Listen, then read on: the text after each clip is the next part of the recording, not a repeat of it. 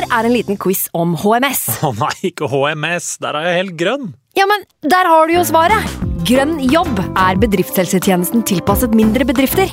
Våre HMS-eksperter hjelper mer enn 8000 bedrifter over hele Norge med alt fra lovpålagte HMS-krav til pålegg fra Arbeidstilsynet. Få på plass bedriftshelsetjeneste på grønnjobb.no. Hallo? Jeg kommer fra Oslo politikammer. Ine Jansen er purk. Er du purk? The motherfucking bitch. Alt jeg vil, er å finne ut hva som skjedde med mannen min. Jon Carew. Er jeg sikta for noe? Iben Akeli. Det er du. Ole So, Lars Berrum og Big Daddy Karsten. Hvem sin side er du på, egentlig? Anette Hoff, Tone Danielsen, Kommer du fra Afrika? Jørnis Josef, Nesten. Kløfta. Trond Espen Seim, Det er synd å si det, men det var feil mann som døde. Purk. Premiere tirsdag på TV2 Play. I can't believe it. Football, bloody hell.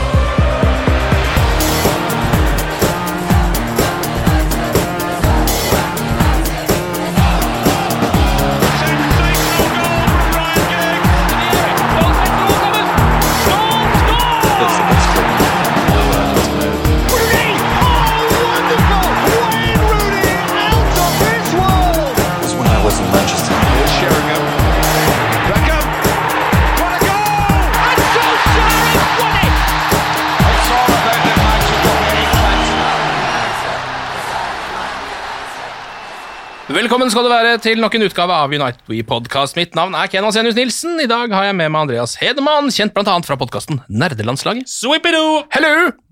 Hei. Nei, du, jeg, du, jeg skulle si mer? Nei. Jeg kan gjerne fylle inn, fordi du er jo nerd. Fordi du sitter jo her med Mac-en oppe med en kronikk Ja eh, som du er forberedt med til denne sendinga her. Det er klart det. Det er klart det. Godt forberedt. Ja, det skrives. Markus Neby, eh, kjent fra NRK og da spesielt Kåss til kvelds. Du er totalt uforberedt, kommer hit helt uten Mac. Eh, Uten Mac. Ingen notater. Ing, ikke en dritt. Det var sånn Rett før jeg gikk inn her, så var det sånn eh, Fader, hvem var det som skåret i forrige matcha? Ja. Eh, men som eh, jeg også sa til dere rett før da jeg gikk på, at eh, Andreas Hedemann sa, det er ikke så rart, for han skårer jo ikke så ofte. Nei. Nei. Nei. Jeg er forberedt, altså, og jeg gleder meg veldig til å se dere begge to her i dag. Og så skal du få god støtte underveis, hvis det er noe du lurer på. Ja, vi skal, vi skal hjelpe oss gjennom Ja, det, der.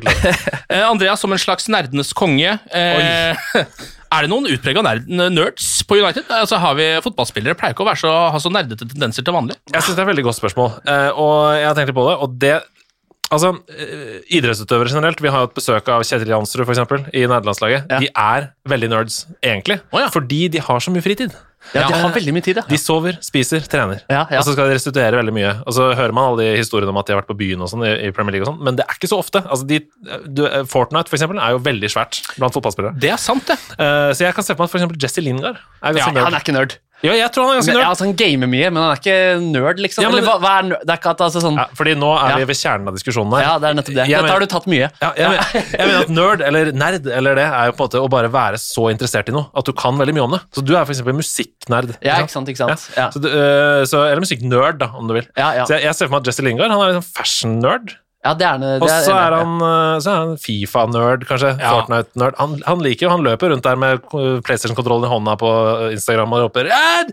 peace, peace! når han har slått Rashford og ja. Ja, det er sant. Jeg, jeg så et eh, sånn eh, Truth or False-intervju med Jesse Lingard, Ja. eh, hvor han ble intervjua av en eh, ung, litt sånn vittig dame, eller kanskje liksom eh, Englands eh, Martha Leivestad. eh, på en Oi! Ja. Det er en god Eh, sammenligning. Ja, hvor, hvor det er han som skal komme med påstander, og hun skal gjette om det er sant eller ikke. Og han har med seg da et pickled egg. Eh, og, han, og han begynner å argumentere med at det er en løk. Eh, og hun sier nei, det er jo et egg. Jeg må, men why is it pickled? It's only pickled onions. No, it's a pickled egg. Det er også noe som finnes. Så, så Ja. han framstår ikke som en sånn den stereotypiske nerden Nei, akkurat sånn, ja. der. Nei, okay. Han er ikke gastronominerd, i Han hvert er fall. ikke gastronom. Nei, det er han ikke. Uh, Markus, Og Mata er vel det vanligste svaret der, er det ikke det? da? Jo. At han liksom er eh, den intellektuelle som Ja. har noen uh, tanker. men jeg føler det er mer museum og rødvin Og språk. enn, ja, og språk enn nerdekultur. Ja, Han faller litt inn i den samme kategorien som eh, den tidligere Chelsea-spilleren Graham Lusaw, eh, som er, nå, er det noen av dere som har sett den Premier League-dokumentarserien som ligger ute på NRK nå? Jeg begynte på den. Og jeg har også begynt på den. En helt egen liga eller noe sånt, heter den. Ja. Ja, ja. Den er ganske underholdende. Veldig mye United der. Veldig mye Cantona. Kan Ja. anbefales. Ja. Eh, og der er det jo også litt fokus på at eh, fotballspillere har vært eh, kjent som litt begrensede mennesker. Eh, og Graham Lusaw han ble da hengt ut i garderobe, eh, media og blant fans fordi han leste The Guardian. Ja, han gjorde det, ikke sant? ja. Men det er også det med Erik Myggen også, som ble kjent som den eh, store bohemen og intellektuelle her hjemme. Og det var blant annet fordi i et intervju så hadde han ligget i sengen og så hadde han lest en bok, eh, og etter det så ble han også spurt om han kunne dele ut en pris på en litteraturfestival, og så hadde han sagt at det ettertid var så rart, fordi den boka han ble avbilda med, er også den eneste boka han har lest. Ja, det er det, ja. Så det skal jo ikke så mye til. Det skal ikke så mye til i det hele tatt. Jeg slenger til på halen her at jeg tror at Lindelöf faktisk spiller en del Call of Duty. Oi, eh, vet det, du det, eller er det Jeg- det, er, det er et eller annet som kiler bak i harddisken, som vi pleier å si. ja, det pleier vi å si. Ja, kona der er vel Jeg driver ikke hun med noe sånn litt sånn der Det alternativ og- eh, ja. medisin og sånn greier også, så, så ikke nødvendigvis så kildekritisk, men, men, eh, men kanskje en ja, Call of Duty-nerd. er Vi må ja. videre. Ja, vi må videre. Vi må videre, vi må snakke enda mer om Manchester United enn det vi har gjort til nå. Markus, du skal jo over. Du har fått uh, bursdagspresang. Jeg skal over, ja. ja eh, til, eh, til, til City-kampen, rett og slett. Så jeg håper, eh, håper det lar seg gjøre, og alle de greiene der. Gleder meg ekstremt mye til det. Når Når var sist du var og så United live? Det var Arsenal United på Emirates da de tapte 1-0. Ja. tidlig Arteta. og da husker jeg det, det var en vond opplevelse, fordi det var så trøkk på, på stadion der. Mm. og alle United-spillerne jeg husker jeg tenkte på, de så alle så mindre ut. Eh, de så så små ut. Da, var det, ja, da, da hadde de ikke sjans, rett og slett. Da tapte jo 1-0. Um, så håper vi på en eh, bedre opplevelse denne gangen. Du, fi, ja, men du fikk Ja. jo også personlig bursdagshilsen fra Ole Gunnar Solskjær. Ja, det, I bursdagen din. den er ikke dum, ass. Uh, hvordan var det? Ja? Nei, det, jeg, jeg, det kom en liten tåre ned fra øyekroken da. Ehm, ja, eh, og så søt eh, fyr. Og, eh, ja, og så, det er jo han som har fiksa billetter, da. Så Ja. det er jo sånn, hvis han får fyken før det, så, så er det jo ikke sikkert det blir kamp. Det er både korona og Solskjær-usikkerhet som gjør at jeg kan gå glipp av den. gjestelista til Solskjær strykes umiddelbart idet han får sparken. Ja, shit, Nei, altså. men du- men- jeg vet ikke. ja. Du, du går altså, eh, av det jeg hører nå, så Ja. du går for storkamper du, når du skal se United. Du, Arsenal, Ja. City. For jeg har alltid presumptivt eh, gått for altså motstandere som vi presumptivt skal slå. Jeg har sett liksom Ja. Burnley, Brighton For jeg orker ikke å reise over og få den vonde. Men da er det jo også eh, low risk, low reward, da, på en måte. Ja, for jeg var jo, kampen før der var jo Mirakel i Paris. Eh, oi, oi. Eh, Ja, der var du selvfølgelig! Ja, så der er det jo, nå er det 50-50 utdeling da, på, Oi, på god og dårlig opplevelse. Ja, Dette her blir jo eh, uhyre spennende. Ja, det blir veldig spennende, ass. Herregud. Men jeg liker jo at Solskjær har jo tydeligvis prioritert deg litt i en ganske strabasiøs periode. Uh, For du fikk jo på en måte eh, disse billettene midt i Ronaldo-sagaen. Ja. ja, altså Jeg vet ikke om han har prioritert meg, men altså, han er jo litt venn med, med Hegerberg-slekta. da Som, uh, jeg er Som du har rota deg inn i? Ja, som jeg har rota meg inn i. Eh, datteren og datteren til Solskjær eh, har jo både Ada og Andrine Hegerberg som, som forbilder. Ja. Eh, og hun var jo på fotballskolen til Hegerberg-søstrene, hvor jeg altså for så vidt var med og sto i mål eh, i en elvekamp. Og ble, jeg, tror, jeg vet ikke om, jeg, om hun skjelte meg ut, men jeg ble i hvert fall skjelt ut av andre 16-åringer eh, den gangen. Med Solskjær for så vidt på tribunen. Eh, så meg da som Du har en spilt for Solskjær? ja, det tror jeg, vet du hva, det prata vi om sist jeg var i poden her, eh, Kent, men det var under korrekton- eh, korantona. eh, under karantene, karantene i korona og på Teams, så Ja. det, det er Kanskje det er sikkert rett og slett er medynkbilletter? Altså Han så deg fra tribunen og tenkte den keeperen her, han trenger en opptur. Han trenger billetter. Fordi det var også den sommeren det var litt sånn rykter om at Digea skulle ut. Oi. Så det var litt sånn der, her så jeg litt snitt. Nei, men det var ikke sjans. Men eh, ok, la oss se litt på det store bildet nå. Eh, Manchester United per akkurat uh, nå. Eh, vi er i en landslagspause i eh, 2021, ganske tidlig i sesongen. Andreas, hva syns du om det du har sett, og det du ser, og det du kan tenke deg å se framover? Oh, nei, du, hva er det med oktober, da? Hva er det med oktober og også? Det er altså, eh, generelt så har jo eh, United under Solskjær gjort det svært dårlig i oktober 2019, oktober 2020 og nå i oktober 2021. Men så har det gått veldig kort tid før vi har på en måte fått en opptur igjen. da. Da har vi slått plutselig Liverpool borte, og ikke sant? det har vært god stemning og, eh, og sånne ting. Um, I hvert fall uavgjort borte, var det vel. Um, Så eh, selv om det er en litt sånn low periode nå, så har jeg fortsatt troa. Jeg føler at, eh, jeg føler at eh, vi, det er mye mer sånn riktige følelser knytta til klubben nå. Det er mye bedre humør eh, rundt kampdag, rundt omkring stadion, enn det, enn det har vært siden Ferguson da, var manager. Så vi er liksom nesten der. Føler jeg. Ja. Så er det, det er noe defensivt på midtbanen, generelt midtbanen, som mangler sånn rent spillermaterialemessig, men det er ikke noe tvil, hvis du ser på statistikker og sånn, at eh, i expected goals against og i expected goals for, så er vi topp fire i ligaen. Så eh, at, at folk, som, folk som roper og skriker om, om Solskjærs avgang fordi vi ikke har sett framgang de siste årene, f.eks., det mener jeg er feil, da. Altså Framgang har vi sett hver eneste sesong. Så, Jeg føler det man har klaget over, eh, særlig forrige sesong, er at vi ikke vinner de kampene vi skal eh, Ja, vinne. Og absolutt. at det er det vi har gjort. ikke, ikke alltid nå, men Mm. allikevel at det har vært en Jeg er strålende fornøyd da, med, med de første syv eh, kampene her. Og som du sier, den framgangen er ganske synlig også. Og så mangler vi En ting jeg føler blir snakka for lite om, er at vi faktisk mangler da en midtstopper som spilte på eh, et fantastisk England-lag, som slapp inn to mål i hele mesterskapet i, Mm. eh, i EM, som attpåtil er kapteinen vår. Eh, og at vi da bare har sluppet inn seks mål på syv kamper med en ny midtstopper i tillegg, tenker jeg er egentlig veldig bra Mm. statistikk. Ganske god uttelling, eh, akkurat det. Ser man på, på eh, Litt forberedt, jeg også. På, på Liverpool i fjor så mangla eh, van Dijk, da. De Ja, ja. første eh, syv kampene så hadde de sluppet inn dobbelt så mange mål som oss nå. De hadde sluppet Mm. inn tolv mål. Vi har sluppet inn ja, på seks, da. På, på syv kamper. Ganske greit bakover, og så scorer vi masse mål også. Jeg, jeg, Det eneste, da. Det, det eneste, for jeg er enig i deler av det, men det er sånn um, vi, har inn, vi har sluppet inn mål i elleve kamper på rad. ja, ja. Det har vi. Ja. Um, og det hadde vært enda flere hvis ikke De Hea hadde vært en gud bak der. Som han Jeg slapp ikke inn mot. Wolverhampton. Eh, Jeg refererer bare til statistikk fra United.no, ikke arrester meg på dette. ok, ok. Nei.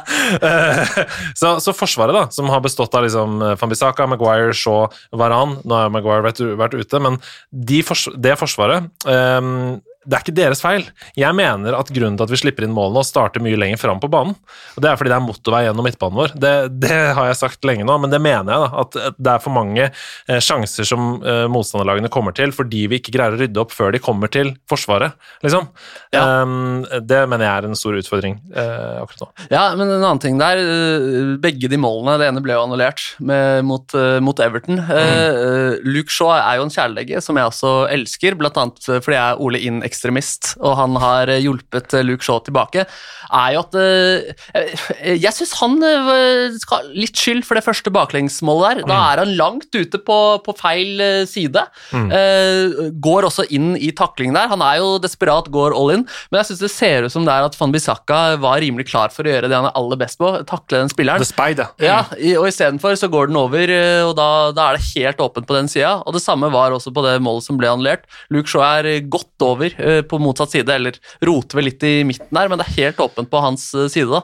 Så at han eh, ikke får en reprimade, for det tror jeg ikke han nødvendigvis eh, har psyken til, Nei, jeg men, ikke- jeg men får litt, eh, litt tilbakemelding med noe kaffe og noe te på kontoret til Solskjær, så tror jeg i hvert fall, eh, i hvert fall det vil hjelpe litt òg, selv om jeg er enig med det du sier da, om at eh, problemene lenger fram eh, er åpenbare. Ja, fordi eh, Vi kommer vel tilbake til Everton-kampen konkret, men, men jeg bare tenker, bare for å runde den, eh, avrunde den eh, starten jeg hadde der, så det føles som om vi enten så har vi en solid eh, midtbane defensivt med McFred, hvis vi har McTominay og Fred på midten, eh, men da føler jeg at vi er strippa for kreativitet framover. Ja. Eller at vi sliter i hvert fall med å, med å finne på noe som er um, uventa framover. Men, men hvis vi gjør omvendt, hvis vi f.eks. prøver å putte Pogba og van de Beek i den midtbanetoeren, så skjer det mer framover, men da er det som sagt motorvei da, igjen bakover. Så det er, det er ikke noe god balanse der Nei. nå. Eh, og da må enten Forsvaret jobbe drithardt for å demme opp, eller så må angrepet løpe masse ut av posisjon for å være et bindeledd, sånn at det ikke blir masse, bare space mellom midtbanen og angrepet. Ja, eller så må vi få Dean Henderson opp på midtbanen og gi flere pasninger som den han ga i sluttkampen av eh, minutten av Westham-kampen. Eller så må vi starte mer med Lingard. Seriøst. Han er i sitt livs form, og hver gang han har kommet inn i kampene nå, så har det skjedd noe. Og han er jo en Duracell-kanin, ikke sant? Så Ja. han, han tetter jo det rommet.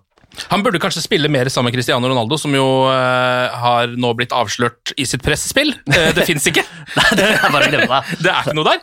Uh, mens eh, Jesse har jo dobbeltpresspill, på en måte, så kanskje det kunne vært en god kompo. Jeg tror Bruno også løper ganske mye, altså. Eh, så det Ja, ja, han er ofte nede i eget forsvar og sånn, men uh, ja. Men hvordan har det vært for eh, Jeg vet ikke hva deres forhold til Cristiano Ronaldo er fra tidligere, men å se han i United igjen Dere har jo ikke vært der siden han kom, så vi må nesten stille det spørsmålet. Markus? Ja, helt fantastisk. Eh, Jeg syns drakta også er så eh, fin nå, Ja. med den fine Teamviewer som ligner litt på Sharp. Litt samme assosiasjoner der. Og at han er tilbake med nye hvite tenner som matcher logoen, eh, og større siden sist. Alt med det syns jeg stemmer, det romantiske. Bortsett fra egentlig det strategiske og kanskje fotballmessige, da. Ja. Så, jo, så, jo, men som jeg som, om, Nesten så jeg tenker, er det, er det riktig? Eh, man har bygget opp et raskt og ungt lag, og så får man inn det stikk motsatte da, av det som har blitt snakket om hele tiden. Eh, men selvfølgelig eh, skal han inn, uansett om han hadde vært en enda dårligere fotballspiller, syns jeg. Fordi romantikk er det viktigste for min del. Ja, ja, altså Hvis man ikke har det, så er det ikke noe vits i å være fan av et lag. da Nei, Hvis du bare skal si sånn Jeg er veldig glad i dette laget fordi de spiller perfekt 4-2-3-1. Og så er det ikke noe patos der. Liksom. Nei, nei, nei. Da, da har, altså, det må være noe eh, romantikk, noe historier, noe patos, som sagt. Eh, så jeg eh, er over den eh, i den sjuende himmel, som det heter Ja, eh, på godt norsk, over at han er tilbake i klubben vår. Og så er jeg glad for at han er en ekstrem vinnerskalle. jeg. Jeg er glad for det. Ja, ja, ja. At, at han sutrer når vi taper, at han går i garderoben og ikke vil snakke med Solskjær og sånn. Alle de største har gjort det. Ja, men, men jeg så den, det var det klippet om at han skaper dårlig stemning når han går sint tilbake til garderoben. Var ikke det bare at han, eh, Townsend hadde gjort eh, ironisk Ronaldo-feiring, og at han spurte om å få drakta til Ronaldo? Det leser jeg i hvert fall en sak om, da. At Ronaldo ville ikke gi drakta til han, og han sier da nei til det. At det er det jeg syns han viser i det klippet hvor han går ut av stadion. Ikke at det er noe murring med, med Solskjær. Solskjær sa jo sjøl på pressekonferanse at eh, eh, jeg og Ronaldo vi vet hvorfor han ikke startet denne kampen. Og alle som skjønner at når man har spilt onsdag kveld, ikke eh, har 100% på FM-kondisen lørdag morgen, liksom. I hvert fall man er 50 år i tillegg. Men, Nei, men, jeg, men jeg tar det der med knusende ro, alle de ryktene der. Eh, Jeg Ja, ja, elsker at, Solskjær- nei, at eh, Ronaldo er tilbake. Og jeg eh, ser jo, basert på det vi har sett hittil, at vi kan forvente 20 pluss mål av Ronaldo denne sesongen. Og det er jo helt eh, konge. Det er helt magisk, det. Um, det er, og det, jeg syns også det er helt spinnvilt at han faktisk har det rykket, da, enda. Ja. Som er sånn at eh, ja, nei, han har ikke noe presspill, som dere sier, men han kan fortsatt uh, gå fra akselerere fra 0 til uh, 40 da, på Mm. veldig, veldig, veldig uh, kort tid. Og så er han jo den målskåreren vi trenger når Kavani har vært ute, når alle spissene har vært ute, på en måte. Rashford er ute, uh, osv. Ja, og det er også med kritikk på manglende spillestil, at eh, man får han inn, og selvfølgelig skal man ha han der.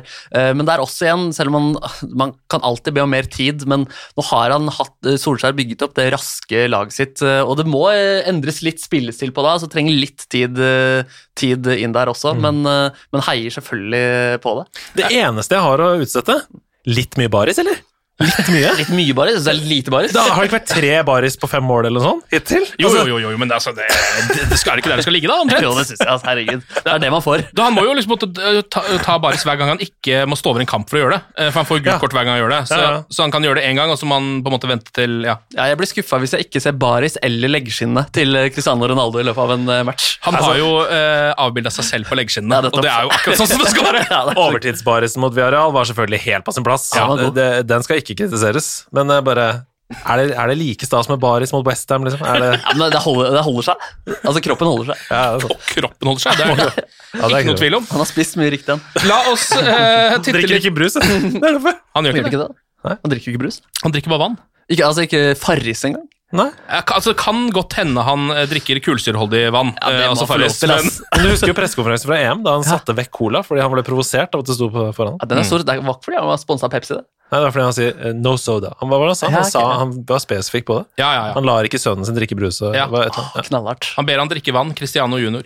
Ja. Eh, ok, la oss ta Everton-matchen, da. Eh, vi kan begynne med laget. Cavani starta istedenfor Cristiano Ronaldo, som du var inne på, Markus. Ja. Eh, Lindeløf starta for Maguire fordi han er skadd. Ja. Eh, og Martial litt overraskende ute på venstre istedenfor ja, f.eks. Sancho eller Pogba eller hvem det skulle vært som kunne spilt der. La oss starte med Cristiano Ronaldo. Eh, Sir Alex Ferguson var ganske klar på det eh, da han snakka med MMA-stjerne og United-fan Khabib Nurmagedov eh, etter matchen. At han mener at Cristiano Ronaldo burde starta denne kampen. You have to start your best players. You have to start your best players. Men at han blir litt stressa rundt han, det skjønner jeg. ass. At Alec Ferguson bare må si noe unnskyldningsgreier der for å gjøre han eh, raus. Vi, vi må gi Ferguson den slacken der, fordi eh, jeg er ikke enig i det Ferguson sier der. Eh, jeg Det er er en fyr som er uenig med Ferguson her. ja, ja, jo, men eh, alltid, altså jeg er som dere også må kanskje disclaime, da, en Ole Inn-ekstremist. Jeg hørte jo på forrige episode her med Fredrik og Eivind, hvor de prata bra og nyansert om hvordan man enten var hardt på Ole inn eller hardt på Ole out. Fins det ikke noe i eh, midten? Jeg er hardt på Ole, Ole inn der også, men det er jo, skal du ikke starte med dine beste spillere? Det var jo, den, det var jo startelveren som scora, og det, det, var, eh, det var ikke innbytterne eh, Nei, som gjorde ikke. den eh, forskjellen. Så jeg synes det, det var så rart uh, argument der. Og når de som ble hvilt, nettopp hadde spilt en kamp på onsdag, da, eh, er på benken, ikke rart eh, i det hele tatt. Men, men selvfølgelig ikke en, ikke en god nok match allikevel. Og ikke minst, alle så jo hva som skjedde da Cavani kom inn eh, mot eh, Villarreal. Altså det, Han eksploderte jo, hele kampen eksploderte. Ja, det var gøy å se. Og, han- og da han beina fra, egen midt, nei, fra midtbanen og for å ta det løpet, og faktisk nådde ballen der, eh, da sa jo alle han burde starta denne kampen. Ja, sa alle etter Ja. Villarreal-kampen. Ja, nå fikk han starte, nettopp fordi han hadde så bra innhopp, mens Ronaldo kunne hvile. Eh, Dette er jo, eh, dette er jo helt elementært i fotball. Man blir aldri fornøyd, da. Nei, og det er jeg lei av. Ja, og det er jo også sånn, man, man prater mye også om byttene til, eh, til Solskjær og kommer for seint og er alltid feil og sånn, men nettopp i den eh, Villarreal- eh, Villarreal-matchen så, så er det jo, det er jo mm. altså Han lar Ronaldo bli, som det var lett å skulle tenke skulle av, og han bytter på Fred og Lingard, som har henholdsvis innlegget og assisten til målet på Ja. overtid. Ja. Så uh, Altså, Ole gjør alt riktig. Ja, men i- Ole gjør alt riktig alltid. Og faktisk, eh, det er først, faktisk en av de aller første gangene jeg har lest at eh, For jeg er helt enig. Den kampen, rent taktisk, gjorde alt riktig. Eh, Og innbyttene helt spot on. Og, og ikke minst å legge om formasjonen også, helt spot on. Um, eh, Og da fikk han berømmelse etter kampen. Ja, I, The. Guardian, i mange store aviser. Ja, det var sånn We have been critical, but we got to say he got it everything right tonight. Ah, ja. Det var liksom sånn etterpå. Og det eh, var veldig digg for meg å se, da, som ikke liker sånn her eh, agenda, som det heter. Ja, ja. Jeg merker jo vi burde hatt stemmen til Eivind, den litt nasale stemmen til Eivind her, som sier at men vi kan ikke være helt fornøyd med Prosjekt Solskjær helt ennå. Men, men, men, Nei, men jeg, jeg, altså jeg, er nok, eh, jeg er nok mer grå enn eh, så svart-hvitt som du er, da. ja, ja. Det, jeg var litt ironisk når jeg sa at Solskjær gjør alt riktig, men, eh, men, eh, men jeg kan stå for det også. Nei, for Everton gjorde han ikke alt riktig. Det må vi være enig om. Nei, han gjorde ikke det. Det er jo en av de eh, ja, Jeg vet ikke hva man skal si om kampen. Det er jo en kamp med ganske få sjanser, da, egentlig til begge lag. Eh, United skaper ganske lite i eh, første omgang. Det er noe der. Kavani har en heading som Pickford redder ganske lett. Eh, og så har Damara Gray, som spiller en ganske bra match. Typisk nok eh, når han spiller mot Manchester United, for hvis motstanderlaget har én rask driblefyr, så kommer han til å skinne mot Manchester United. Sånn er det alltid, samme hvem det er. Eh, det er bare sånn det på en måte fungerer. Eh, Longstaff fra Newcastle. Ja, det blir sånn catchphrase. jeg er så lei av Longstaff. Altså. Jeg, hadde- jeg, jeg er så, så lei av Longstaff at jeg blir sur når han scorer mot andre også. Altså, så uansett hvem av de det er. Så, eh, så rykker det noe i meg eh, som gjør at jeg har lyst til å Men det er den greia der. Én Ja. god spiller, han skinner mot United. Ja. Og det er ofte keeperen. Ja, det er ofte keeperen. I dette tilfellet så var det jo uh, Damara Gray som, og for så vidt også Andros Townsend som hadde en ganske bra uh, kamp. United tar jo uh, ledelsen til slutt der. Ganske deilig angrep, egentlig. McTominay feilvendt, eh, finner Greenwood, eh, som vender opp han også. Spiller ballen opp i beina på Bruno utenfor 16-meteren. Mm. Perfekt liksom, touch av Bruno, en vending der. Eh, ruller han bare ut til Antony Martial, og så eh, snur egentlig alle seg bare og tenker sånn det her er ikke noe vits å se på engang.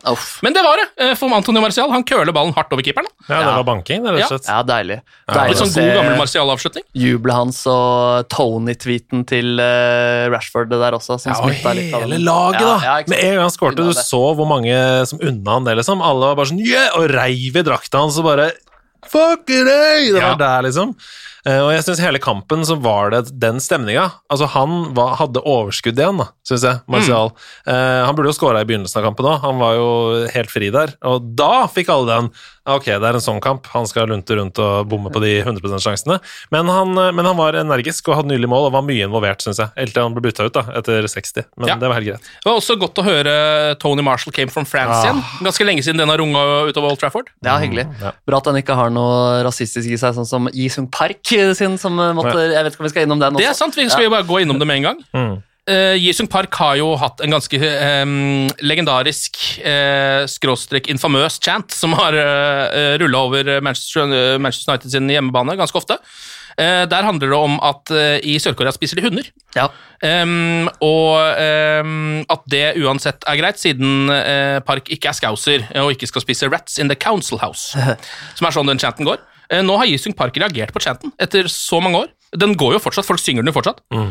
og nå sier han at eh, folk i eh, Korea er annerledes. Eh, den unge generasjonen nå kommer til å spise atskillig færre hunder Ja. enn det, det generasjonen før det gjorde. Så han vil ikke at vi skal synge den sangen. Det er, men det er, det er ikke det fair, da? Jo, det er vel egentlig det. Ja, ja. Har jo, altså, alle har vel tenkt at den er litt over kanten, den uh, chanten der. Samtidig som man bare tenker sånn Ok, det er engelskmenn, de har ikke noe, de har ikke noe grenser og ingen moral, så la oss bare bli med på hele showet. Ja, men nok et skudd i baugen til Nicolay Ramm som skrev den låta der.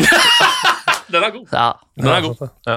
Eh, ok, men ehm, United går til pause med eh, 1-0-ledelse, eh, og jeg får en sånn ganske ok følelse, fordi jeg føler at det er liksom en ålreit uttelling. Etter den første omgang som har vært sånn så der, og det er til og med Martial som har scoret. Eh, Everton har ikke sett kjempefarlig ut, dette kommer til å gå veien, tenker jeg. Og så har United en corner da, i andre omgang. Det har gått uh, godt og vel uh, 65 minutter. Ehm, Everton kontrer eh, en litt sånn situasjon hvor du liksom på en måte merker at alt blir bare sånn gradvis litt og litt farligere. I starten så er det helt sånn totalt ufarlig. Det er bare Gray alene ute på kanten mot egentlig en 4-5 United-spillere. Og så kommer han seg liksom forbi alle sammen. På sånne rare måter. Han klarer å dytte bort Fred. Han kommer seg litt foran Lindeløf. Han får liksom rulla ballen inn til Dokoré, og da begynner det å bli sånn Oi, dette her blir jo livsfarlig. Nå er det jo plutselig uh, tre mot liksom én.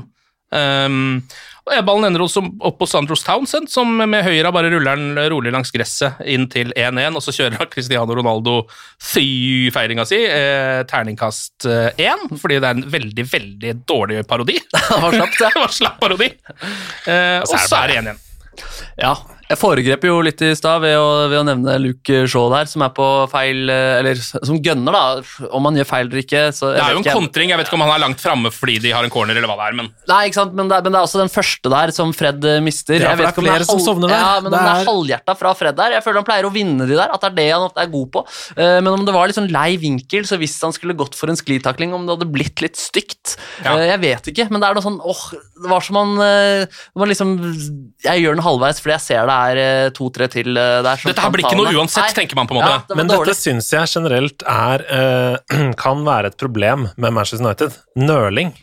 Det, det kan det være, i hvert fall i perioder hvor vi har hatt dårlig selvtillit. Da er det sånn eh, man gjør ting 70 eller man stoler på at noen andre skal ta ansvar, og så eh, er plutselig ballen mellom to forsvarsspillere fordi ingen løper etter den. Sånn. Det, og det er litt den stemninga i det angrepet her. ja, ja. Eh, man bommer et par ganger. Som du sa, sånn, han, noen er på feil side, noen er på, ikke sant? og så plutselig så bare er det Andros Townsend Zoo på ja, Old Trafford. Det er vondt, ass. Det er vondt, og så kommer det jo fra Vi har ansatt dødballtrener, og så kommer det fra egen dødball. Ja. Den er også ganske lei. Ja, den er lei, men det må jo sies at dødballene har blitt bedre, da. Ja, ja, absolutt. Ja. nå har vi jo, kan jo bare trekke fram Alex Telles mål sitt, eh, sitt mål fra nå nylig. Den tror jeg kanskje ikke kom fra dødballtreneren, men heller fra Bruno og Alex Telles sitt hode. Ja, men, Men det, men, men det er også det eneste dødballmålet vi har hatt nå, selv om vi har Ja. hatt flere dødballsjanser. Det har sett bedre ut, på en måte. Ja, det har kanskje sett litt bedre ut, ja. Og defensivt er vel ikke tallene så ille der heller. Ja, for de var jo gru... Altså, Før så var det jo livsfarlig hver gang. Ja, fall, jeg, følte i hvert fall at det var sånn. Ja. Fikk helt totalt panikk hver gang det var corner til motstanderen. liksom. Jeg vet ikke om dere snakka konkret om det i den podkasten som dere tok for dere den kappen, men det er jo helt riktig som du sier, at det var en avtale de gjorde ute på banen. For det var Telle som henvendte seg til uh, Bruno og sa uh, next time I'm, uh, jeg er utenfor 16-meteren, så eh, bare legger du den til meg, og så legger jeg den tilbake igjen i feltet. Og så sa Bruno til han nei, nei, jeg legger den til deg, jeg bare pinger den, sa han til deg. Jeg pinger Ja. den til deg rett utenfor 16, og så skyter du på direkten. Ja, Sa Bruno. han sa det? Ja, ja. det er kult. Og så sa han ok, da gjør jeg det, da. Og da tenkte sikkert Telles med en gang sånn, det høres ut som en litt risky plan. Hvor ofte er det jeg treffer på de, liksom? Samtidig, samtidig så bomba jo Telles inn sånne mål i Porto. ja. Så det er jo Ja, han kan, han kan det jo. Han kan det der. Han er jo en uh, veldig mye bedre offensiv enn defensiv uh, back. Mm. Har jo et veldig, veldig god fot. Eh, men spørs om han kommer til å spille så mye nå som Luke Shaw har blitt såpass bra, da.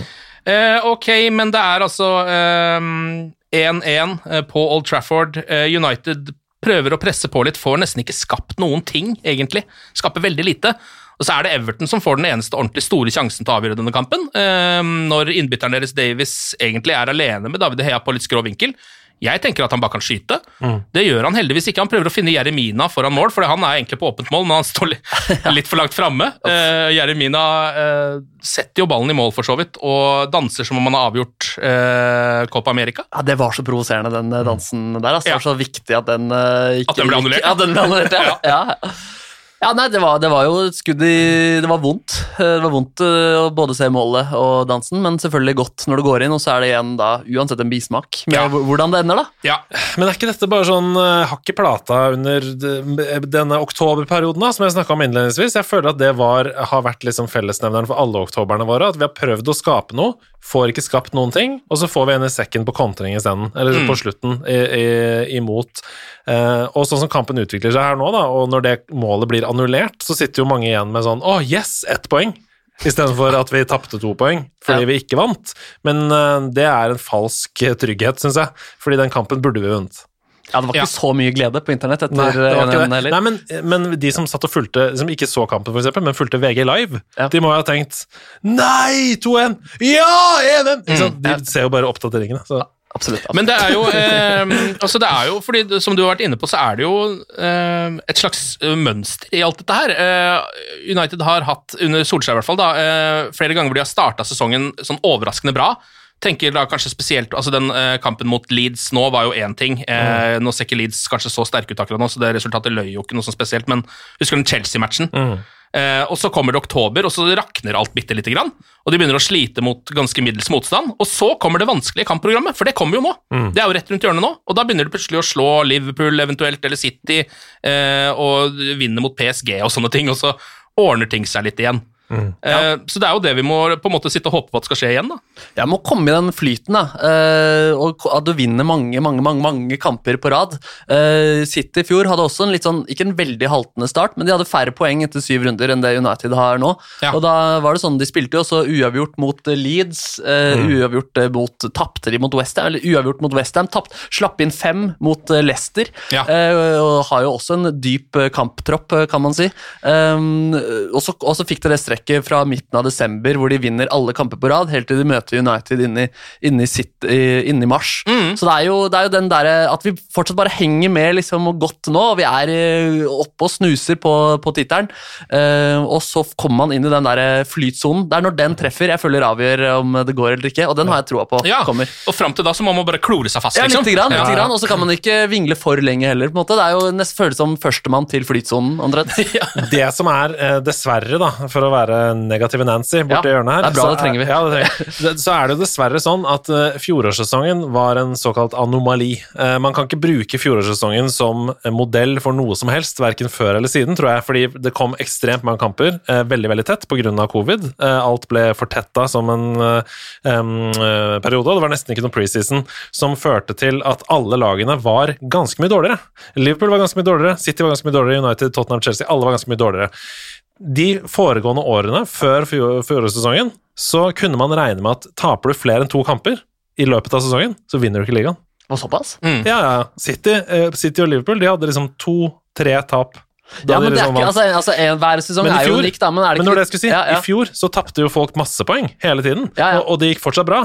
Derfor så er det sånn Jeg tror ikke man kan regne med den samme hjelpen fra våre eh, tittelkandidatrivaler eh, i år som vi fikk i fjor. Men det har vi er allerede litt sett. da, altså Vi har jo sett eh, Liverpool har avgitt poeng mot Brentford. eh, City som har tapt mot eh, Tottenham, som også ikke er så gode. Så de har jo allerede avgitt litt eh, poeng. Fem seire, én uavgjort på sju kamper. Ett tap. Ja, altså ja, ja, ja, de leder jo ligaen, eh, som Ja. tapte for så vidt mot, uh, mot Juventus da, i Champions League, ja. hvis vi skal dra det inn dit. eh, Et, et midttabellag i Serie A, som Villarreal ha kalt i La Ja, du taler vist, Framankar. Eh, Hæ? Du taler vist. Jo, men altså, Hver sesong er jo på en måte litt unik, og Ja. en ting er jo at forrige sesong var selvfølgelig ekstraordinær, men, men det blir jo også jevnere i de beste lagene, samtidig Mm. som de, de under også kommer under der og overrasker. Så det, det er spennende å se da, om det, om det vil fortsette å være sånn at to tap er alt du har råd til for å vinne, vinne seriegull. Det- Jeg, jeg, jeg, jeg vil anslå fire. Ja, Bare for å ha en sånn bold uh, Det taler jo i hvert fall til Uniteds fordel at det er såpass mange lag som potensielt kan drive og krangle litt oppi der. da. Eh, for hvis man skulle ha på en måte kjempa mot uh, bare um, City eller bare Liverpool, eller kanskje bare de to, så virker det jo nesten håpløst. Hvis du skjønner, hvis ingen andre lag skal kunne ta poeng fra de bortsett fra oss selv. Men nå er det jo ikke sånn lenger, har jeg følelsen av. i hvert fall da. Um, så vi får se. Um, Vi får se. vi får se. Hva tror dere selv, da? Har tror dere United er med i gullkampen uh, når dette skal begynne å avgjøres? Hvis vi sier uh, april, da, for eksempel. Du, eh, det er vanskelig å si. Det er vanskelig å si. Eh, Det som er ekstremt avgjørende, det er den perioden vi går inn i nå. Fordi eh, jeg tenker ikke så mye på Champions League. For meg så er det en bonus. Eh, Dette er fortsatt en eh, stein på stein, et stein på stein-prosjekt, og vi skal ikke vinne Champions League nå. Det hadde vært gøy om vi var med inn i sluttspillet og sånn, men det er for tidlig for denne troppen, tror jeg, da, å liksom skulle konkurrere om å vinne Champions League. Det er kjempegøy hvis vi gjør det, men jeg tror ikke det. Så derfor tenker jeg på Premier League. Og jeg har sett litt på de neste kommende kampene. Eh, vi går inn i et kjempetøff periode, og hvis vi skal ha en sjanse til å ta ligatittelen, så tror jeg at vi må slå Liverpool hjemme. Jeg tror at vi må ha minst ett poeng mot Tottenham borte, og så må vi slå Leicester borte. Sånn som de fremstår denne sesongen her nå. For i det regnestykket der så har jeg antatt at alle de andre tittelfavorittene, Chelsea, City, Liverpool, kommer til å slå Leicester borte. Så vi må også det. Eh, og det vil si da syv poeng på de tre neste kampene. Eh, Og så er det vel City som følger etter det. Ja, eh, men Det kan vi tape. Det, det, nei, Kan vi tape den, eller? vi kan spille uavgjort. Ja. Men, men uh, hvis vi ikke får det, så kommer det til å bli enda mer press på Solskjær selvfølgelig, enn det er nå. Uh, og hvis vi eksempelvis taper alle de tre kampene, det er det regnestykket jeg har sett litt på. Uh, hvis vi har null poeng etter de tre, så mener jeg det er en sannsynlighet for at Solskjær kan miste jobben. Og grunnen til det er fordi Chelsea har et helt latterlig program. De skal møte Newcastle, Southampton og Norwich i de samme kampene. Det er altså lagene som ligger på fjerd siste, nest siste og sisteplass i Premier League. Med andre ord så kan vi eh, ligge tolv poeng bak Chelsea etter de neste tre kampene, hvis vi taper alle. Mm. Og da eh, ser ligatittelen umulig ut. Og da kan man begynne å snakke om som ledelse og sånn eh, Ok, da vinner vi ikke i år heller. Det går ikke. eh, Solskjær får ikke nok ut av troppen, og så begynner eh, ballen å rulle. Så jeg, jeg tror at eh, hvordan Chelsea gjør det de neste tre kampene, og hvordan vi gjør det de neste tre kampene, kan være helt avgjørende for Solskjærs fremtid i United. Ja, dette her er jo crunch time, fordi midt oppi dette så kommer det jo også da eh, de to kampene mot Atalanta eh, i Champions League på rekke og rad der, som jo også er livsviktige nå, brått, for å gå videre der. Eh, så man kan jo begynne å lage opp et worst case scenario her, som er ganske ille i løpet av en veldig kort periode. Altså I løpet av en måned så kan veldig mye rakne, men jeg tror ikke det skjer.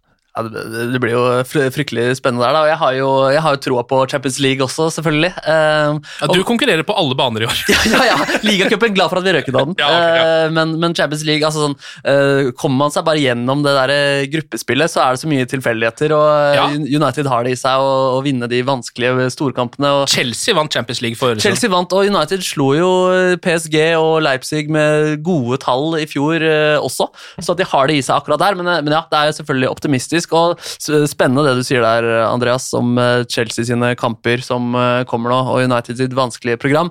Eh, Og så har jo Southampton Var det 1-1? Var, var, det- Chelsea de hadde 1-1 mot? De har, fall, de har i hvert fall klart å bite litt fra seg. Det har vært litt vanskeligere enn man, mm. man skulle tro. Og drar vi på nisselua, så er Mathias Nordmann i Norwich da, og vil hjelpe norske Solskjær. Ja så- ja, nei, men er, det er Brentford er også inne i miksen der hos Chelsea, og Ja. de, har jo, de er jo kjempegode og bygd veldig bra de siste årene. Eh, Sidenote, jeg så Brentford Leeds live da begge to var i championship på Brentford sin gamle stadion, som Oi, bare gøy. ligger inne som boligfelt der. Og allerede da, de slo jo Nei, det ble 3-3, faktisk. Helt sinnssyk kamp. Men eh, allerede da så så man sånn Oi, shit, hvem er de her, liksom? Brentford, og eh, Da bestemte jeg meg for å spille med Brentford i Fifa, eh, og vant Champions League med Brentford. Oi, Eh, Oh, det- se der, altså. Der, ja. og da var liksom Watkins og Mopai og alle var, var der da, på den tiden. Så nå er de jo solgt videre, selvfølgelig, til andre Premier League-lag. Men, men ja, Brentford kan fort ta poeng fra Chelsea. ja, ikke sant. Vi kan Og- ta, ja. vi skal snakke med litt, eh, eller nevne dette kampprogrammet så vidt igjen, men jeg tenkte vi kunne ta et par eh, andre nyheter. Nå har jo eh, The Glazers solgt noen aksjer. Eh, ikke bare noen, eller men 9,5 eh, millioner aksjer. Ja. A-aksjer, altså de høysthengende aksjene i Manchester United. Em, Det har ingenting å si. Nei, det har for så vidt ikke det. For det første De får litt mer penger av det? eh, Nei. Vi, nei. Nei, nei. de. Oh, ja, de, ja. Ja, ja. De får ganske mye med penger. ja, av det. de får penger. ja. Det får er egentlig bare det. Dette her er vist, for det første ikke noe nytt. De har gjort dette hele veien. Det er liksom Ja. en del av egentlig planen deres. For det er sånn man tjener penger. For ingen av disse pengene går til Manchester United, alle går til de. Eh, For, an, for det andre så kan man jo også si at det betyr virkelig ikke at de er på vei ut, dessverre. Nei. Nei. Eh, nei, og det er jo trist, uh, selvfølgelig. Uh, og så er det jo, kommer jo det også samtidig som det blir kjent at Eller endelig så skal det skje at Newcastle skal få kronprinsen i Saudi-Arabia som eiere. Mm, det er så godt. ja, og der, ja, der er det der, ja, der, der, der tar man ikke hensyn til demokrati engang. Der er det ikke bare snusk Det er, det er vel ikke snusk Glazers driver med heller, det er bare, det er bare kjipt. Ja, det er bare kjipe forretninger. er det jo, der er det jo sharia på en måte som skal styre Newcastle. Og det er jo vanvittig, de, de summene der. og Så, på en måte sånn, det var jo litt det med Superligaen nå, at sånn, øh, man kjenner bare sånn Ja, det er jo penger det til syvende og sist Ja. handler om. Og det er derfor jeg syns det er så deilig med øh, Askeladden fra Norge og Cristiano Ronaldo som kommer tilbake. da, At man bare sånn Den fattige, fattige spilleren Cristiano Ronaldo. Ja, eller den hjemvendte sønn som Ja. på en måte kanskje egentlig ikke passer helt inn da, i den eh, planen som ja. gjennomføres om dagen. Ja, for det må jeg bare si at Selv om vi er eh, Manchester United-fans, så er vi nødt til å ha litt sympati med Newcastle United-fans Ja, også. Fordi eh, for oss som er glad i fotball, og som er glad i Premier League og, og Manchester United, så er det bare negativt. At det kommer flere eh, saudiarabiske eh, eiere og flere eh, PSG, Monaco-aktige City, ikke minst, fotballstorheter inn i den idretten vi elsker. Fordi det vil si kortsiktig gevinst uten noe som helst eh, tanke om å være i dette sirkuset i 100-150 år, hvis du skjønner hva jeg mener. Altså, sånn er jo engelsk fotball. Eh, og det eneste som skjer da, det er at man ender opp med å bli Leeds. Altså Man pumper masse falske midler inn i noe, og så trekker man seg kjemperaskt ut, og så kollapser alt. Og det kan skje med alle de klubbene vi har nevnt nå nettopp, og da ja, da ødelegger det hele fotballen vi er så glad i. da. Ja. Pluss at det selvfølgelig er penger fra menneskehandel og alt som er helt forferdelig. Så det er jo bare å ja, på toppen av det. Glazers, Glazers in. Det er tror jeg første gang noen har sagt. Gang noen har sagt. Noen gang. Ja, nei, men Absolutt ikke, da. Men, men i det perspektivet der, så er det jo eh, tross alt veldig mye bedre. Ja, for Det, er jo, det er jo bare kapitalisme. Ja, ikke sant, Altså, det er ikke noe annet enn Nei, det. nei, nei, nei. Det, er ikke, det er ikke som at de lyver eller sånn. De, vi skal bare tjene masse penger, vi. Det er det vi skal. De andre de skal på en måte hvitvaske penger som kommer fra folkemord og menneskerettighetsbrudd og, ikke sant? Ja. og olje, ø, klimaødeleggende ting. Altså, det er bare Det er mye verre, da. Ja, men Hvis du ser Madame Glaser komme med en nikab på Old Trafford, da, da kan vi begynne å bli litt enda mer stressa. Så får vi se hva Newcastle United sine supportere tenker når de plutselig har Mbappé som spiss neste sesong. Ja, ikke sant. Eh, og hvordan dette her faktisk kommer til å bli. For man husker jo hvordan dette her var i starten med for så vidt først Chelsea, med Abramovic, og så City. Eh, at det tok ikke så lang tid. Med penger så kan man tydeligvis hevde seg ganske bra i sport. Det er Viser Ja, ja, dessverre. ja. Man kan også glemme fort med penger. Sånn som du sier, når de har Mbappé på venstrekanten, da er det jo ingen som sier 'oi, dette var dritt'. Når Nei, Newcastle som er plutselig kan altså, nærme seg et seriegull igjen, så tror jeg det overskygger ganske mye. Og det er jo hele poenget med Saudi-Arabia. De skal yep. sportwashe, ikke sant? Det er det det handler om. og alle de debattene om eh, Qatar-VM og den, eh, den eh, Jeg vet ikke om dere så den videoen til PSG nå, med profilene Neymar og Di Maria som satt og teksta 'Er du klar for Qatar-VM', eller? Visste du at det nå er mulig å booke både hotell og flybilletter Å, i samme pakke? ah, herregud. Ok, eh, En gladnyhet. da, Marcus Rashford er jo ikke bare tilbake i full trening, men han har til og med spilt kamp. Eh, han har spilt treningskamp, det var vel i går. Han har ikke bare spilt heller. Han skårte to mål. Han skårte to mål, da. Ja, det er 3-0 mot. Blackburn. Ja. Gamle Henning Berg-klubben der. Ja, eh, og Dean Henderson sier da at han eh, ser eh, Eller mye tyder på at Rashford er tilbake i sin beste form. Han har jo vært småskada i flere år. Eh, Og storskada samtidig. Altså Han har hatt flere forskjellige skader som har bare vært løpt og løpt på kroppen hans. Men dette var jo planlagt. For dette var jo en operasjon som klubben gjorde, Ja. helt planlagt for å sette han ut for starten av sesongen, for å tenke langsiktig. Og dette er en operasjon som har man måte har utsatt og utsatt og utsatt, men som man visste at måtte komme på et tidspunkt. Så det vi kan håpe på nå, det er jo at det er en solid plan bak måte, restitusjonen og sånn, sånn at han kommer tilbake som en enda bedre fotballspiller enn det han var. Eh, og det er jo bare i så fall en eh, blessing in disguise for vår del, for er det noe vi trenger, så er det jo mer kreativitet offensivt.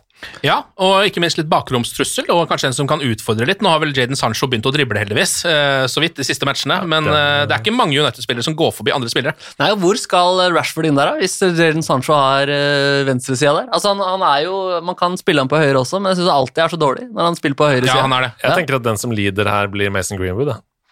For uh, Sancho flyttes over på høyre og Rashford inn på venstre, og så spiller vi med Ronaldo på spiss. Ja. Det var deilig med litt sånn old school 4-4-2 med raske vinger og to eh, litt sånn Ja. fiskende spisser. Keith Gillespie og Ryan Giggs på hver sin ving. uh, men det er vel et eller annet med at altså Akkurat nå så tror jeg jo det er Sancho som er på benken, faktisk. Uh, altså Ja, men den kurva peker riktig vei òg, da. ja, den gjør det, mens Greenwood sin peker Altså Om ikke nedover, så har han i hvert fall ikke scoret så mye mål i det siste som han vanligvis gjør. Så, Men det er vel egentlig fint å ha to spillere av det kaliberet som han da eventuelt kan bytte litt på. Problemet for meg er egentlig at Paul Pogba må spille på midtbanen, Ja, uh, istedenfor å være en av de tre lenger framme. da. Ja, jeg er i hvert fall ikke noe nervøs for det Jaden Sancho-negativitetstoget som driver og går fra Lillestrøm stasjon om dagen. Um, for eh, det kommer til å komme seg. Ja. Det er ikke en tvil i Michel om at det kommer seg, og jeg ser allerede fremgang. Så Ja, jeg syns han er elegant eh, i kamper han får dårlig kritikk uh, for også. Mm. Eh, altså, ikke de store eh, utslagsgivende greiene heller, men bare sånn du, måten du ser han gir den pasningen tilbake på. Eh, har litt one-touch inni seg samtidig som man har noen uh, initiativ. Ja. Uh, deilig. jeg føler at når vi skal gjøre opp regnestykket om et par sesonger, uh, og hvis vi nå sitter og tenker på om vi kunne hatt Jack Grealish eller Jane Sancho, så føler jeg at om to sesonger så er jeg veldig glad for at vi har Jane Sancho. Det er bare min magefølelse. Ja, det, det, det er nok ikke dumt, det. altså. Jeg syns han har vært blant Uniteds bedre spillere i de siste kampene hvor United har vært dårlig. For å si det sånn. Ja, ja. Så, det, så det liksom, Hvis United hadde vunnet de kampene, så hadde nok han også fått uh, mye mer kred for det enn det han Mm. har fått. Uh, Leicester er altså neste uh, motstander, borte på King Power lørdag 16. oktober. Det er ganske lenge til fortsatt. Sånn sett så kan det hende at Marcus Rashford er klar til å starte den kampen, til og med. Man kan jo håpe Han er jo nok i hvert fall på benken, vil jeg nesten tro. Ja. Leicester ganske dårlig sesongstart. De har åtte poeng på syv kamper. To seire, to uavgjort, tre tap. Eh, Jamie Vardy skårer fortsatt mål, da. Ja. Altså, det er så utrolig typisk. Om etter landslagspausen så kommer Leicester tilbake med sånn ny giv og bare funnet tilbake i seg sjøl, og nå er de dritgode og sånn. Eh, og så får vi høre det. For da er det sånn Ja, de spilte jo nettopp uavgjort mot eh, Norwich. Hva er det dere driver med? Taper mot det. Men så er det sånn Men det er ikke det samme laget! De har to uker Man må sitte og forsvare det ved kaffemaskinen på jobb og sånn. Eh, det er veldig typisk, føler jeg, for oss i sitte, men den kampen må vi da vinne. Ja, det er jo starten på helveteskjøret, uh, så da vi får oss en deilig overraskelse der, ass, med, med et knallresultat. For dette er jo den klart enkleste kampen av de United skal spille nå framover, eh, sånn på papir, eh, som det heter. Eh, For etter det, så, som vi var inne på, to kamper mot Atalanta. Ehm, der må man vel sannsynligvis kanskje ha med seg fire poeng eh, til sammen i de to kampene for å kunne liksom eh, satse på å gå videre fra Champions League. Det tror jeg Solskjær må, nesten. Jeg tror det er en av de tingene som må skje. Fordi Champions League, Manchester United Champions League de siste årene har ikke vært en, det, har ikke, det har ikke vært en historie engang. Det er ikke noen ting. Det er den PSG-seieren, og så er det ikke noe mer. Ja, det var, det var noen herlige høydepunkter der eh, i fjor, med noen eh, altså, Var det fem mål mot eh, Leipzig Jo da, og, og slo PSG? men det og røk ting? ut, liksom. Ja, røk ut, ja, det var forferdelig, da, den stublingen uh, i Tyrkia. eh, Som på en måte Sjokkerende. Ja, som kanskje syns jeg var det vondeste øyeblikket i fjor. Mm. Ja, hadde bare gått videre der, og så, så er det bare litt sånn der halting fram til en, et, gull. Ja, Bare holdt seg fram til Champions League-gullet. Nei, men jeg er helt enig. Nå har Solskjær vært manager i to og et halvt år. Tar vi med caretaker-perioden, så er det tre år i desember. Um, jeg vet at de nettopp har gitt nye kontrakter, både til han og til mange på backoffice. Mark Phelan har fått ny kontrakt. Um, men fotball er fotball, og vi har sagt det tusen ganger her, det er ferskvare. Og hvis ligatittelen ser ut til å glippe, og vi ryker ut av Champions League på samme måned Det blir tøft. Ja, men Da blir det eksterne presset så stort at det går ikke an å gjøre noe med det. En sånn litt interessant eh, statistikk, eller et lite mønster i det, eh, hvor jeg skulle sjekke seiersprosenten til United-managerne. Han er jo fortsatt på tredjeplass der, Ja etter både Ferguson og, og Mourinho. Men jeg også så der, var at David Moyes han fikk ca. 50 kamper. eh, Van Gaal ca. 100. eh, Mourinho ca. 150. eh, Så man øker tålmodigheten med 50 matcher hver gang. Solskjær ligger nå rundt 166 eh, Eller han ligger på 166 Så han må opp i matcher. 200. Ja, så, så det er, om man får 30-40 kamper til nå, da. eh, statistisk sett. Håper det blir mer. Det er nesten litt for interessant, fordi det føles jo litt realistisk også. Ja, jeg- det var noe som stemte der, ja. Et eller annet der. Ehm, og så er det jo da kamper mot Liverpool, Spurs, som ikke ser så bra ut akkurat nå. Vi får se hvordan det blir. De varierer jo uhorvelig fra kamp til kamp og uh, uke til uke. Ja, der har vi Skal en som kan komme. Hva- Ja, ikke sant? Men det du sa der om å komme tilbake etter landslagspausen, en litt våken Kane som endelig har kommet i gang der. Eh, han har jo vært veldig dårlig i Ja. sesongstarten, men at han finner formen mot oss, det, det kan jeg fort eh, se for meg skjer, ja. Men er- nå har jo vi verdens beste keeper om dagen, da. Det må vi snakke litt om. Ja. Fordi eh, De Hea, hvor god er han ikke nå? Ja, Nå er han tilbake på verdensklassenivået sitt. Han snuser på tidenes sesong i United, Ja. mener jeg, hvis det fortsetter sånn som dette er. Selv etter den sesongen hvor han egenhendig ga oss sølvet, som Mourinho selvfølgelig ta, sa, tok all credit for. At uh, it was an amazing performance by me this season, I took the silver. Men, men det var De Hea som redda oss det, det året. Uh, og, og han, er der, nå- han er der igjen nå. Ja. Nå kan jeg liksom slå meg på brystet og si vi har verdens beste keeper, til de som spør. Ja, Eh, igjen. Det føles mye tryggere med han bak der også. Mm. jeg, forrige sesong syns jeg det alltid Dean Henderson oste mer trygghet. Var Ja. litt sånn større, litt mer autoritet. Eh, men at han har gått i seg sjæl etter, etter eh, Villarreal-historien. at, eh, at, at det sitter der godt å se. Og bare for å fòre deg med litt sånn Solskjær-argumenter, Ja, så du kan ta med deg inn på Marienlyst når noen spør. Ja. um, dette er hans verk, mener jeg. Fordi Solskjær sparka keepertreneren til De Hea fordi han mente at De Hea hadde fått for mye kontroll over sin egen trening. Ja, At det var ikke noen utfordringer Nei, lenger. han hadde blitt stabilitet, og han, liksom bare, han, han hadde det bare chill på trening, liksom. Derfor sparka han keepertreneren, fikk inn en ny trener eh, og liksom, som utfordra han, fått han til å være på tærne, og han sa ja, det første keeperplassen er up in the air. Det Ja. kan fort være Henderson. Så han challenga han også. Så de to grepene mener jeg egenhendig har ført til at De Hea igjen er verdens beste keeper. Så ta med deg det. Det er Solskjær. Ole inn. Ja. Det Nei, men også det at han gikk på den smellen. Det, han, det var, han tok jo litt initiativ selv nå, leste jeg da. At han ville tilbake raskt etter ferie. For Første spiller tilbake. på. Ja, ikke sant? Så han må jo ha svidd veldig da, når du slipper inn elleve straffer og bommer på, på den siste, Mm. og du ikke får stå eh, under et ganske godt Spania-mesterskap eh, også. Mm. Så at han er motivert, og at eh, han har Solskjær der, eh, er grunn til at han er så god nå. Men det er ganske imponerende, fordi eh, dette med keeper og psyker Nå har jeg aldri vært keeper selv, det har jo du, Andreas, eh, så det kjenner du kanskje til. Men eh, det er jo lett å miste det når man er keeper, for det er så små, eh, er så små marginer for hva som er dritbra og bare helt totalt ræva. Mm. Så det å klare å komme tilbake igjen sånn, eh, som keeper Veldig ofte hvis en keeper har mista det, så har han mista det. altså. Da er det bare, da er det Jim Layton liksom, om igjen. Da er det, det er ikke noe mer å hente der han er ferdig. Men David jeg har faktisk klart å få tilbake en god psyke. Det er ganske bra jobba. Ja, det synes jeg er deilig å se nå, er at han, jeg føler han kjefter mer også. Ja, at han, han ser mye mer forbanna ut. Altså, Ja. Før at han ikke hadde selvtillit til å prate engelsk bak, bak der, men at han nå virkelig er sånn, Hva er det du driver med? Til og med til Maguire innimellom der òg. Men jeg føler ikke han sier noe. Jeg føler at uh, Hver gang han gjør en superredning, så er det ikke noe sånn at han jubler. sånn. Han bare, han bare roper 'hei!' Ja, ja. Og så bare går de andre rundt. Ja, ja, ja. Men det er Peter, Hei! Peter Schmeichel-skolen, det er det ikke det? Bare stå og skrike og se gæren ut bak der, liksom. Det, Ja, men jeg husker jeg, Ref å være keeper sjøl, jeg var også sånn innimellom. Det jeg bare ropte 'forsvar!' Er sånn, Hva betyr det? Ja. Det betyr ingenting. men det må til. Det må skrikes. Ok, 16. oktober mot Leicester er eh, neste kamp. Fram til da så kan vi jo anbefale å fylle tiden med uh, denne En helt egen liga, dokumentarserien, som ligger på NRK. Masse deilig United-stoff, spesielt i starten der. Det handler jo da om oppstarten av Premier League, når det begynte å hete Premier League, ehm, og alt eh, som skjedde rundt det. Det er litt deilig å se hvor mye fotball har forandra seg, eh, og også deilig å komme litt inn eh, i garderobene til f.eks. Manchester United eh, og andre klubber på den tida. Også mye gode skjebner i den dokumentaren, så få den mer. Ok, eh, Andreas og Markus, tusen takk for praten. Takk for og praten. glory, glory. Glory.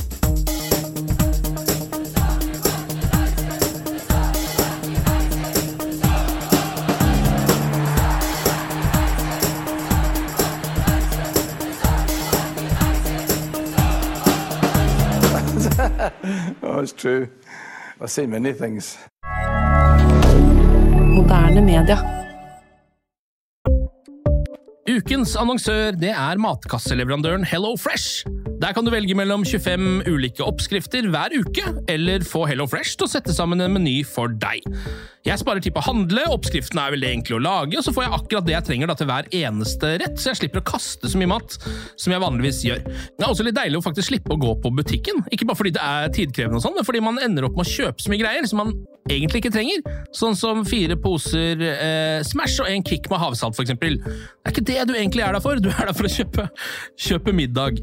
Så det er en veldig eh, kjekk ting. I tillegg så er det jo eh, ferdigporsjonerte ingredienser, det blir mindre matsvinn, og du betaler bare for det du faktisk trenger, og det du faktisk da spiser. I tillegg så blir det da levert på døra til et eh, fastsatt tidspunkt, sånn at du kan få det akkurat når det passer for deg eh, sjæl. Hvis HelloFresh høres ut som noe for deg, så har jeg en rabattkode du kan bruke også. Gå inn på hellofresh.no og bruk koden HelloUnited24. HelloUnited i ett ord, også 24, og få opptil 1779 kroner i rabatt på de fem første matkassene dine hvis du ikke har prøvd HelloFresh ennå. Du kan også bruke koden hvis du tidligere har vært kunde, men har stoppa abonnementet ditt for tolv måneder siden eller mer. Det er ingen bindingstid, og du kan pause eller avslutte abonnementet ditt akkurat når du selv måtte ønske. Husk koden HelloUnited24, og bon appétit! Ukens annonsør er Folio, en smartere banktjeneste for deg som har en egen bedrift eller ønsker å starte for deg selv. Folio er en superenkel nettbank for bedrifter. Som kunde i Folio får du en bedriftskonto med et bedriftskort og app. I denne appen er det smarte løsninger som forenkler regnskapet ditt, uansett om du har en liten bedrift eller et enkeltpersonsforetak. Folio er både intuitivt og brukervennlig, og er laget med et enkelt språk. I tillegg tilbyr de forutsigbare priser og ingen skjulte gebyrer. Skulle du likevel trenge det, så kan du snakke med deres raske og hyggelige kundeservice, og der får du prate med en faktisk person og ikke en chatbot. Folio er med andre ord både enklere og koseligere enn banken. Over 10 000 bedrifter har allerede valgt Folio som sin banktjeneste, så besøk folio.no og se hvordan Folio kan forenkle din hverdag også. Har du et enkeltpersonforetak eller en liten bedrift? Da er du sikkert lei av å høre meg snakke om hvor enkelt det er med kvitteringer og bilag i fiken, så vi eh, gir oss her, vi. Fordi vi liker enkelt. Fiken superenkelt regnskap.